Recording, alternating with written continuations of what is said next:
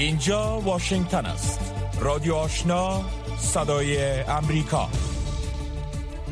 شنوندگان گرامی سلام شب شما بخیر. و برنامه خبری رادیو آشنا خوش آمدید. نسرین محمود عزیزی هستم و با همکارانم برنامه این ساعت را به توجه می رسانیم اما نخست همکارم قدیر مشرف اخبار افغانستان منطقه و جهان را به توجه می رساند سلام و وقت همه شما بخیر شنونده های عزیز. دفتر معاونت سازمان ملل متحد در امور افغانستان یا یوناما می‌گوید که گزارش ها مبنی بر ادعای کشتار اسیران توسط طالبان موثق به نظر می رسد. یوناما وقت دوشنبه در یک پیام تویتر نگاشته است که عاملان این رویداد بایست پاسخگو قرار گیرند و تحقیقات طالبان باید شفاف و به گونه جدی پیگیری شود. هفته گذشته نوارهای در رسانه های اجتماعی دست به دست شد که در آن گروهی از طالبان اسیران جنگی را در پنشیر به گلوله بستند. وزارت دفاع حکومت طالبان گفت که تحقیقات جدی در این باره آغاز شده است. با دنبال اظهارات وزارت دفاع حکومت طالبان در مورد تحقیقات ادعاهای کشتار اسیران جنگی در پنشیر توسط جنگجویان این گروه گزارشگر ویژه سازمان ملل متحد در امور حقوق بشر در افغانستان نیز تاکید کرد که این تحقیقات باید مطابق به معیارهای بین انجام شود. بلاول بوتو زرداری وزیر خارجه پاکستان می‌گوید که افغانستان صلحآمیز و باثبات برای پاکستان یک اولویت است. وزارت خارجه پاکستان روز دوشنبه 19 سپتامبر با نشر اعلامیه گفته است که آقای زرداری در دیدار با تامس وست نماینده ویژه ایالات متحده برای افغانستان در نیویورک بر تامین صلح و ثبات در افغانستان تاکید کرده است. جزئیات بیشتر از فوزیه احسان وزارت خارجه پاکستان همچنان بر اهمیت تداوم تعامل بین المللی با حکومت طالبان برای صلح و ثبات پایدار در افغانستان و فراتر از آن تاکید کرد. اعلامیه که وزیر خارجه پاکستان با اشاره به چشمانداز بشردوستانه در افغانستان که سازمان ملل متحد و اداره های بین المللی هشدار می دهند که در زمستان های پیشرو بدتر خواهد شد تاکید کرد که چونین سناریوی می تواند منجر به مهاجرت دست جمعی پناهجویان شود و زمینه های مساعد را برای بهرهکشی تروریستان و افراطی ها در منطقه و جهان فراهم کند. در اعلامیه وزارت خارجه پاکستان آمده است که تامس وست نماینده ویژه ایالات متحده برای افغانستان از تلاش های پاکستان در زمینه صلح و ثبات در افغانستان قدردانی و بر همکاری دو جانبه برای حل مشکلات منطقه و افغانستان تاکید کرده است. وزارت خارجه امریکا تاکنون در مورد این دیدار چیزی نگفته است. پاکستان در حال بر تامین صلح و ثبات در افغانستان تاکید دارد که از یک سال به این طرف حکومت طالبان را هیچ کشوری به شمول پاکستان به رسمیت نشناخته است. امروز شنبه مصادف است با یازدهمین سالگرد کشته شدن برهان الدین ربانی رهبر پیشین حزب جمعیت اسلامی رئیس جمهور پیشین افغانستان و رئیس شورای پیشین مصالحه ملی افغانستان. آقای ربانی پس از تسلیمی قدرت به حکومت انتقالی در سال 2001 و حضور در پارلمان افغانستان موقف تون و قوی علیه دهشت افغانی اختیار کرد و در زمان ریاست شورای عالی مصالحه ملی تلاش ورزید تا میان حکومت وقت و طالبان صلح برقرار شود. آقای ربانی در یک حمله انتحاری زمان جان باخت که در میان هیئت فرستاده صلح طالبان یک حمله کننده مواد انفجاری جابجا شده در لنگیش را منفجر ساخت.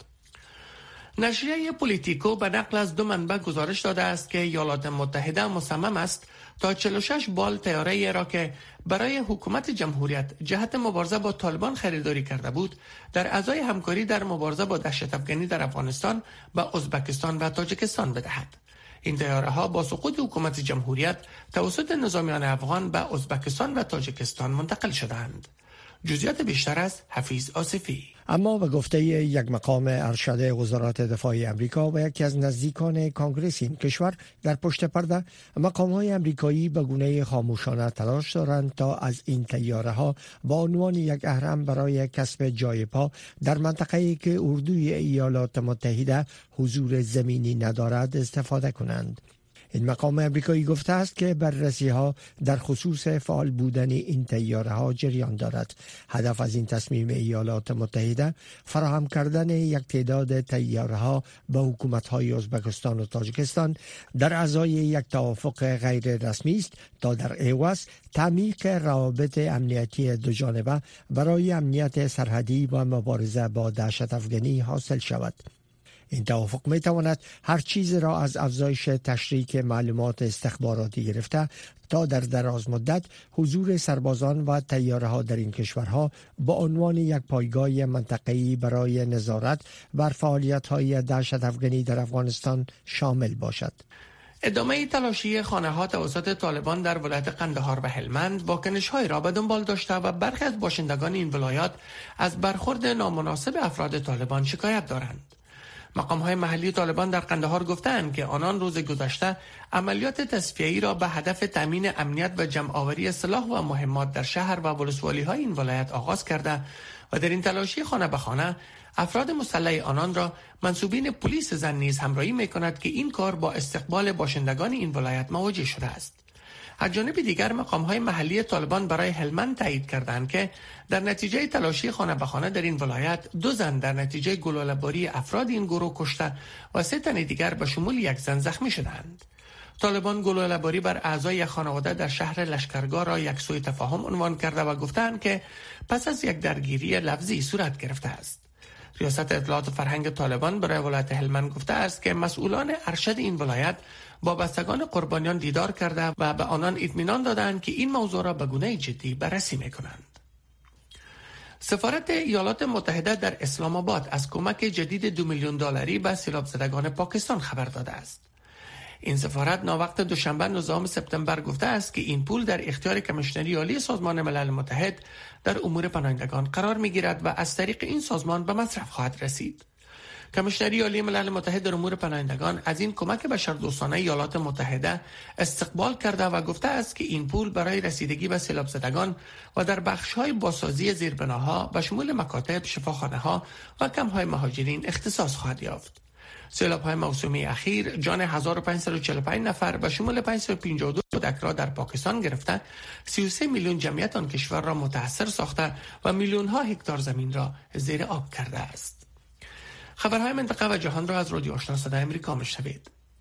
یک مقام ارشد سازمان ملل متحد خواهان تحقیقات مستقل در مورد مرگ یک زن ایرانی شده است که توسط پلیس گشت ایران بازداشت شده بود.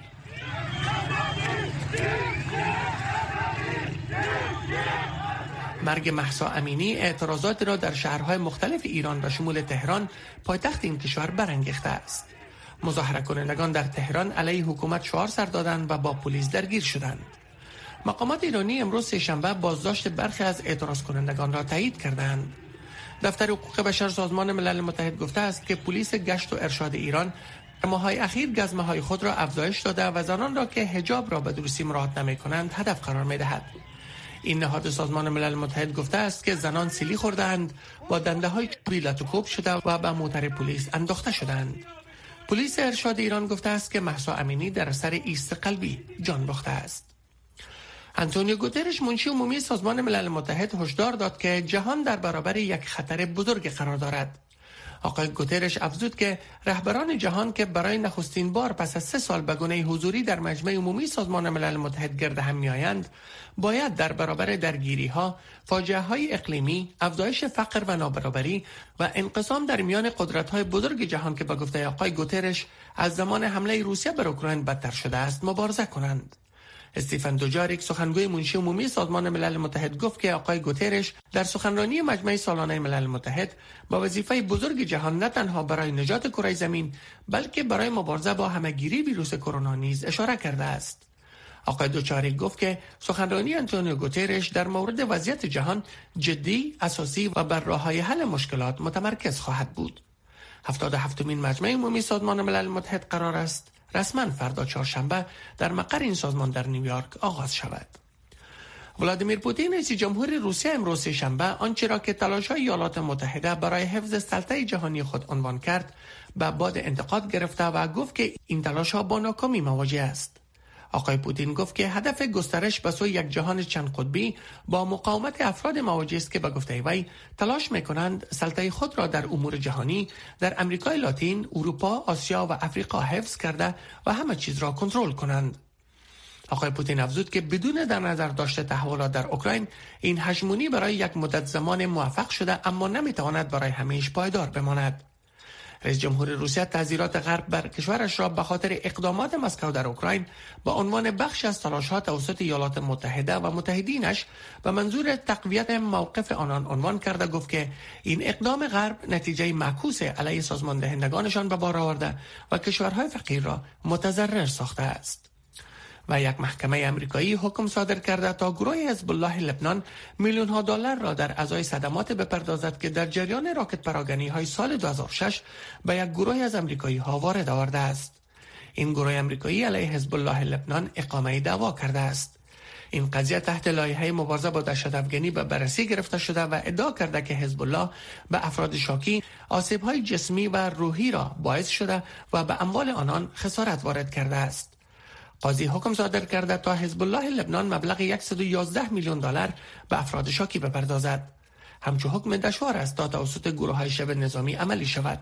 سخنگوی حزب الله تا زمان تهیه این خبر در رابطه واکنش نشان نداده است. پایان خبرهای افغانستان منطقه و جهان از رادیو آشنا صدای امریکا. شنوندگان گرامی رادیو آشنا صدای امریکا. نشرات رادیو آشنا را در موج متوسط 1296 موج کوتاه 11575 اشاری سفر و در موج 972 کیلوهرتز شنیده می توانید. شنوندگان عزیز اخبار افغانستان منطقه و جهان را از رادیو آشنا شنیدید آن هم توجه نمایید به گزارش هایی که برای شما برگزیده همانطوری که در آغاز برنامه اشاره شد منشی عمومی سازمان ملل متحد در نشست تحول آموزش این سازمان خواستار بازگشایی مکاتب دوره لیسه و متوسطه دختران در افغانستان شد. از جانب دیگر فعالان حقوق زن می‌گویند مسدود بودن مکاتب پیامد جبران ناپذیر برای جامعه افغانستان خواهد داشت.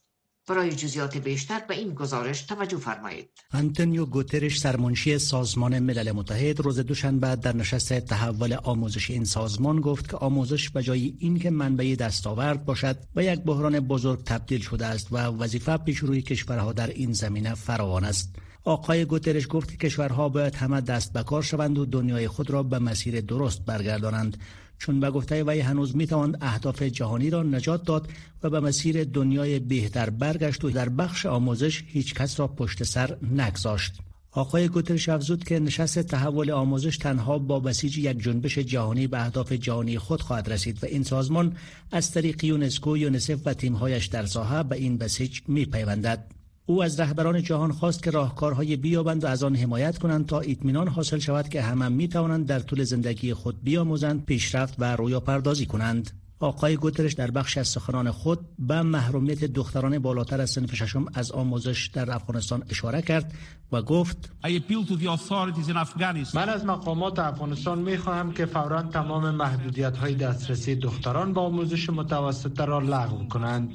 مکاتب باید بدون تبعیض برای همه باز باشد. به گفته سرمنشی ملل متحد جوانان در این بخش خواستار اقدام هستند نه تنها برای خود بلکه برای نسل‌های آینده. در این نشست سمیه فاروقی کاپیتان تیم رابطه دختران افغانستان گفت که طالبان اندک اندک زنان و دختران را از جامعه حذف کردند و گفته خانم فاروقی احتمال دارد که هزاران دختر دیگر هرگز نتوانند به مکتب بروند و بسیاری از آنها هم اکنون ازدواج کردند. کاپیتان تیم رباتیک دختران افغانستان خطاب به رهبران جهان گفت اگر دختران افغانستان را مستحق آموزش می‌دانند نگذارند که آنان قربانی سیاست های بین المللی شود و این کشور گورستان اهداف و آرزوهای دختران شود.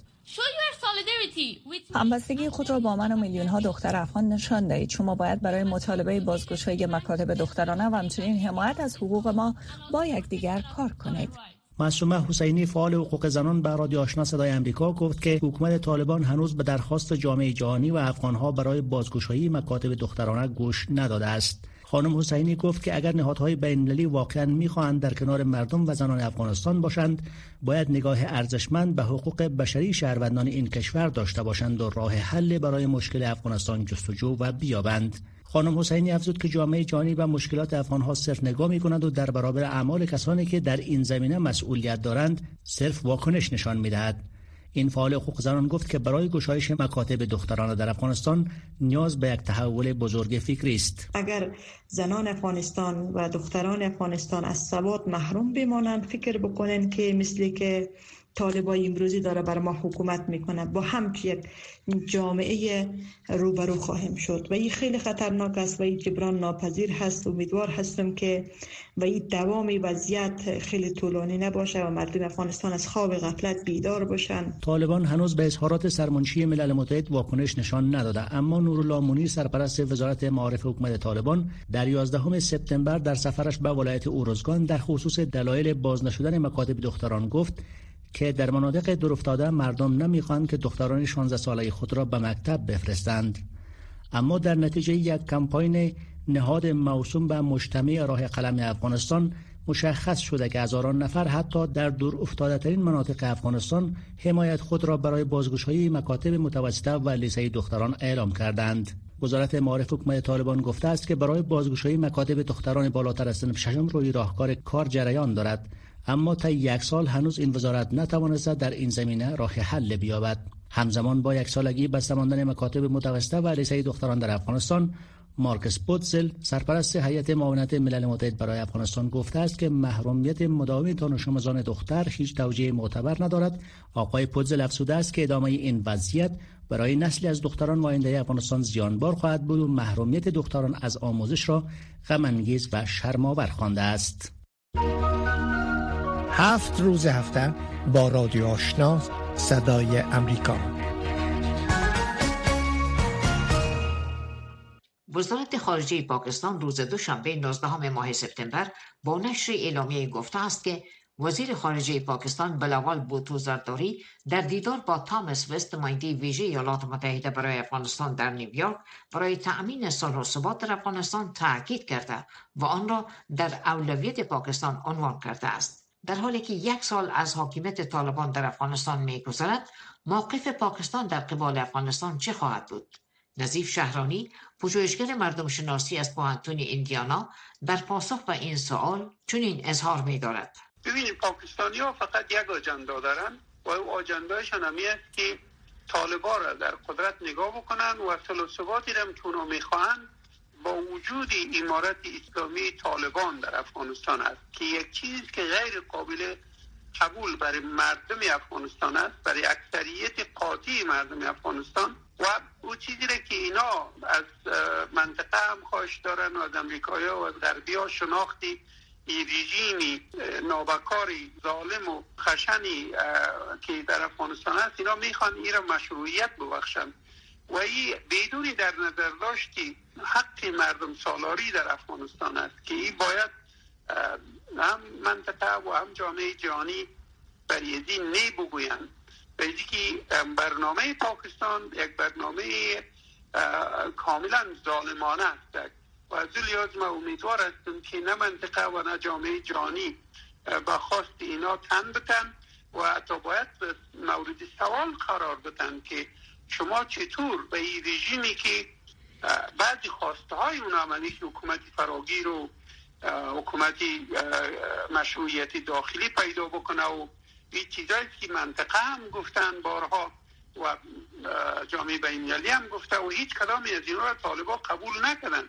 اما او بدون گفتن شرط و شرایط که باید حکومتی طالبا مستقل شوه و آرامش در افغانستان بیایه این دو تا چیز اصلا غیر قابل یک جا ساختن است. تلاش های حکومت طالبان برای ایجاد صلح بین طالبای پاکستانی و حکومت او کشور به یک جایی نرسیده تا باله آیا پاکستان هنوز هم خواهد تانست که بر تلاش های حکومت طالبا در قسمت حساب بکنه؟ خب، تا هنوز طالبا نتانستن یا نخواستن ایش معلوم نیست که آیا طالبایی که فعلا طالبای پاکستانی یعنی امارت طالبی افغانستان. که طالبای پاکستان در داخل خاک افغانستان حمایت می‌کنه و تحت تاثیر خود داره. آیا اینا به اون طالبا اجازه ای را دادن که بر ضد پاکستان مثلا حمله بکنن یا کاری بکنن؟ یا آیا گفته شده که شما می‌تونین بکنین این کارا رو اما ما غرض نمی‌گیریم ما چیزی نمیگیم. هیچ معلوم نیست. یا ای که اینا نمی‌خوان طالبای پاکستانی به چی بکنن می‌خوان. یعنی اونا اقدامی که بر ضد حکومت پاکستان بکنن میگن برین بکنین. یا که باید برشان گفته شود در چیزی امارت طالبی افغانستان شما این کار نکنین.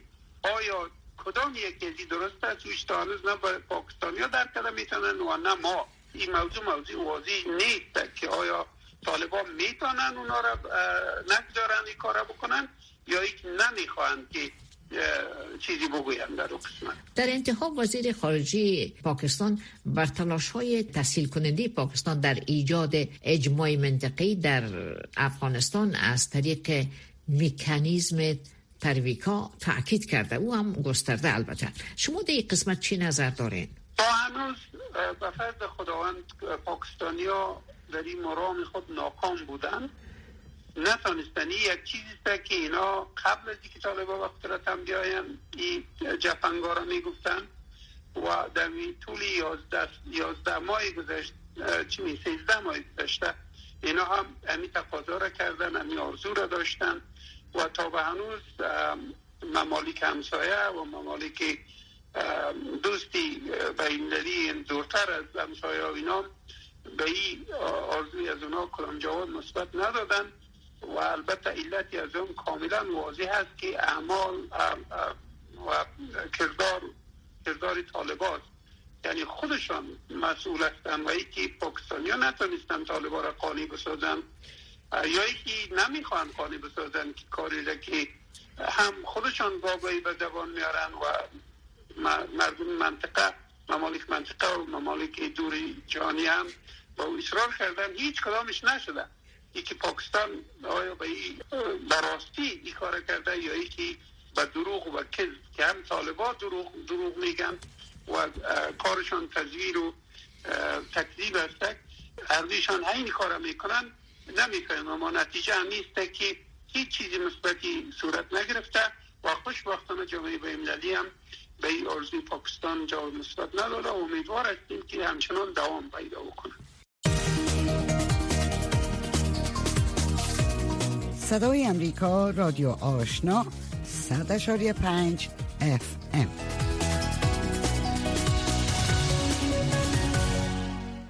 خبرنگاران و آگاهان امور مطبوعات می‌گویند در یک سال گذشته که نشرات رسانه های بین المللی در افغانستان متوقف شد و رسانه های ملی و داخلی تحت تسلط طالبان درآمد رسانه های اجتماعی در اطلاع رسانی نقش قابل ملاحظه داشته است. حسیب نوری خبرنگار افغان در مصاحبه با فوزی احسان گفت از این نشرات طالبان و مخالفانشان نیز به خاطر رساندن پیامهایشان استفاده کردند توجه کنید؟ تشکر آقای نوری. رسانه های اجتماعی در رساندن خبر و پیام ها و ارتباط بین افغان هایی که در دنیای خارج به سر می‌برن و افغان هایی که در داخل هستن چقدر نقش داشته؟ بسیار نقش برازنده را داشته به خصوص اینستاگرام و فیسبوک. به خاطر از اینکه رسانه ها بعض محدودیت ها و بعض سانسورهای را داشته. مگم این چند رسانه چون اینستاگرام و فیسبوک چون اینا فردی است. هر فرد یک موبایل به دستش است یک حادثه را یا رویداد را که می‌بینه اونا می‌تونه که او را انتقال از طریق اینستاگرام فیسبوک یا تیک تاک که خب کسایی که در داخل است هم از استفاده می‌کنن و بیرون از افغانستان. شخصا خودم که قدر دسترسی به نشرات رسانه های داخلی افغانستان ندارم. از طریق همین فیسبوک و اینستاگرام و نشرات تعقیب می‌کنم از افغانستان. و بسیار زودتر حتی از رسانه های افغانستان هم از افغانستان هم از بین موجودیت رسانه های اجتماعی مثل فیسبوک و توییتر و اینستاگرام که شما نام بردین فکر می‌کنین نقششان در یک سال گذشته بسیار مثبت بوده؟ نقش بسیار ارزنده داشت به خاطر از اینکه تعداد زیاد افغان ها از طریق همین رسانه های اجتماعی چون فیسبوک اینستاگرام و تیک تاک اگر سواد هم نداشته ویدیوهای را گذاشته و تصاویر را گذاشته از حوادثی که اتفاق افتاده که این خودش میرسانه بر ما که خب جایگاه خود داشته در بین جامعه رسانه ها از وقتی که طالبا به قدرت رسیدن همواره خبرهایی را بیان می‌کنن تصامیم میره می‌گیرن به خاطر محدود کردن رسانه های اجتماعی. به نظرتان مسدود شدن این رسانه یا اپلیکیشن به خصوصا تیک تاک کدام تاثیری داره در اطلاع رسانی از طریق رسانه اجتماعی در قدم اول بگویم که هفته گذشته حکومت طالبا بعد این اعلان کرد که توسعه ما فرصت برای وزارت مخابرات. که اپلیکیشن گرچه که من با پاپجی قدر آگاهی ندارم و قدر بلدیت ندارم منطقه تیک تاک یک رسانه ویدیویی است که با دانلود ویدیو اما مخاطبای خود داشتم. با وجود ازیام که طالبا می‌خواین ایره مزدود بسازن. چند کشور دیگه بودم مثل ایران اسمی که من خبر دارم این رسانه ای که به نام تیک تاک است یا متوقف ساختن در کشورهای خود. رادیو آشنا صدای امریکا منبع موثق خبرها و گزارش های جهان و افغانستان. و این هم آخرین گزارش این بخش. ابراهیم رئیسی رئیس جمهور ایران می‌گوید برای احیای توافق هسته‌ای سال 2015 ایران هیچ توافق وجود نخواهد داشت و جز اینکه امریکا تضمین دهد که دوباره از این توافق خارج نخواهد شد. سندی سین خبرنگار صدای آمریکا در زمینه گزارش دارد که سحر عظیمی به توجه میرساند. در حالی که رهبران جهان برای شرکت در جلسه سالانه مجمع عمومی سازمان ملل متحد در شهر نیویورک جمع شوند ابراهیم رئیسی رئیس جمهور ایران امیدها را برای احیای مجدد توافق هسته‌ای بین المللی سال 2015 ایران کاهش داد. رئیسی به CBS News گفت که اداره رئیس جمهور ترامپ در سال 2018 از توافق خارج شد. به همین دلیل تهران ضمانت‌هایی از واشنگتن می‌خواهد که دیگر این کار تکرار نخواهد شد. الکس واتانکا آمر اداری برنامه ایران در انستیتوت شرق میانه و صدای امریکا گفت که برای هر حکومت ایالات متحده دشوار است که به تهران در مورد حکومت آینده تضمین دهد. فکر می کنم آنچه ایران باید بداند این است که اگر آنها واقعا می خواهند توافق بعدی را با دوامتر پایدارتر و برای هر رئیس جمهور امریکا مشکل تر سازند تا از آن خارج گردد. به نفع ایران است که گفتگوی سیاسی را با ایالات متحده برای ایجاد اعتماد بین طرفین سرعت ببخشد. جان کربی هماهنگ کننده شورای امنیت ملی در مصاحبه با صدای آمریکا در قصر سفید گفت که ایالات متحده و ایران اکنون از توافق دور شدند. اما هنوز هم به این عقیده است که بهتر است توافق هسته ایران مسما و برجام مجددا آغاز گردد. ایالات متحده همچنان متحد به برگشت به توافق و اجرای مجدد آن است. ما معتقد هستیم که این توافق قبل از خروج اداره قبلی از آن کارا بود.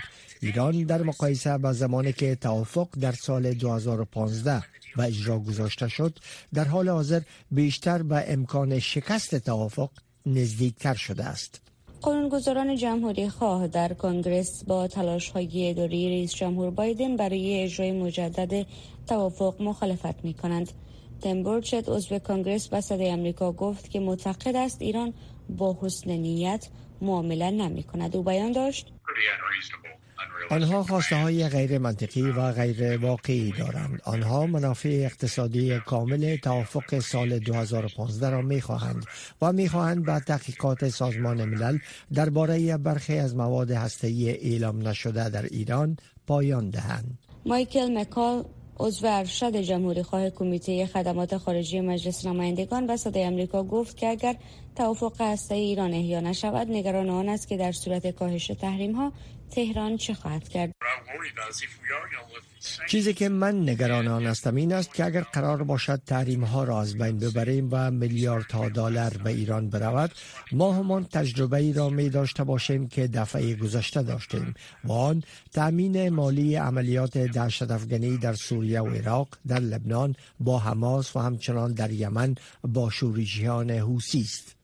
کاترین کولونا وزیر امور خارجه فرانسه در مجمع عمومی سازمان ملل از ایران خواست تا پیشنهاد موجود برای احیای توافق هسته‌ای را بپذیرد و هشدار داد که پیشنهاد بهتری دریافت نخواهد کرد.